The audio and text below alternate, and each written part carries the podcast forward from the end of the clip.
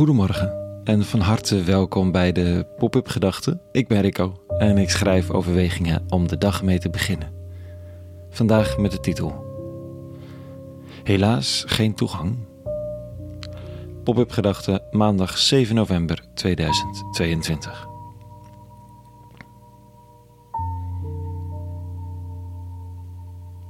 De week gaat beginnen. Het regent en het is donker en het is stil in de straten. Het was een weekend vol spreekbeurten en bijdrages, van demonstraties tot kerkdiensten en een soort conferentie. En nu zoek ik rust eigenlijk. Net als zoveel van ons zoeken naar rust. Rust in de situatie waar je in zit. Rust in het verdriet. Rust in de verwarring. Of gewoon rust van de stress die altijd om je heen lijkt te hangen. Of altijd, nou vaak. Niet altijd. En de eeuwige God is zo'n plek van rust. Tenminste, dat is de belofte. Dat is ook het getuigenis van monniken en nonnen, van bidders en van gelovigen. Dat ze tot God bidden en al rust ervaren. Ja, toch? Dat hoor je zo vaak.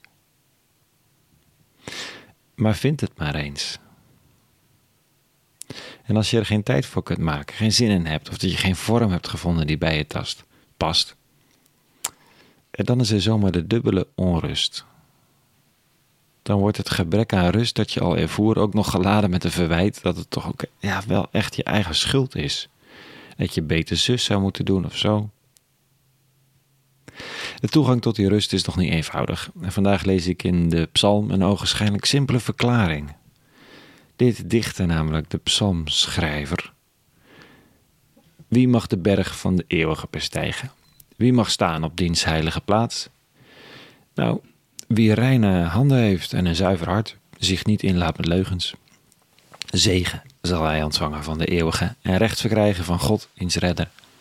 Dan valt hun, dat valt hun ten deel die u zoeken, die zich tot u wenden. Oké, dus zegen en rust is sowieso verkrijgbaar. Maar dan wel voor degene met reine handen en een zuiver hart. Ja, dat kun je dan natuurlijk wel vergeten. Ik bedoel, reine handen is wel het laatste waar je aan moet denken bij mijn handen. Ze pakken van alles aan, hm, dat wel, maar zuiver, rein. Als je ook maar even uitzoomt om te zien waar deze handen onderdeel van zijn, van welke onrechtvaardige systemen. Goed, natuurlijk, je doet je best, maar dat is iets anders dan rein, toch? We staan kniediep in de olie die de planeet verwoest. We staan met onze ellebogen in de bagger van de onmenselijkheid jegens kwetsbaren overal ter wereld. Zij maken de kleren, verbouwen of verpakken de groenten. Zij hakken de kobalt en andere metalen uit in ellendige mijnen, zodat mijn computer kan functioneren. Mijn handen zien er schoon uit, maar zijn dat juist daarom misschien wel niet? En een zuiver hart is ook zo'n voorwaarde die ook vertrouwen in vrije toegang ontneemt. Wie kent de stemmen van het hart? De motivaties, de redenen om te doen wat je doet, de hoeveelheid ego, eigen belang. Stemmetjes van de angst die je onredelijk doen zijn naar allerlei anderen. Zuiver. Ik denk dat het zomaar eens heel rustig zou kunnen zijn op die berg van de eeuwige en diens heilige plaats. Dat die zegen opgeslagen blijft in grote voorraden en het recht in ruime kelders, want er komt niemand de berg op die het waard is. Tenzij dit het is, deze erkenning dat handen niet zuiver worden als ze tot in de poriën heilig zijn, maar dat de smerigste handen met eerbied worden binnengehaald op de heilige plaats als zij behoren tot iemand die zijn of haar aandeel herkent.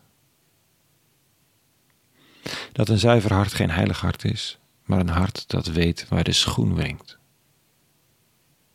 Dat op die heilige plaats een lange tafel staat vol met kneusjes en losers, met falende mensen en niet passende types. Dat de servetten worden gedeeld door smerige handen en de wijn wordt gedronken door mensen die echt niet zuiver op de graad zijn.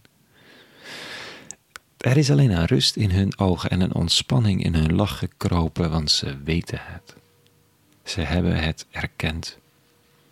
Ze zijn uit de red race gestapt en hebben het ondenkbare gedaan, hun schaduwzijde aan het licht gebracht. En nu zijn ze vrij. Dus klinken de glazen en is er een last van de schouders gevallen. Zo beginnen aan de week Met de absolute zekerheid dat je het niet goed gaat doen.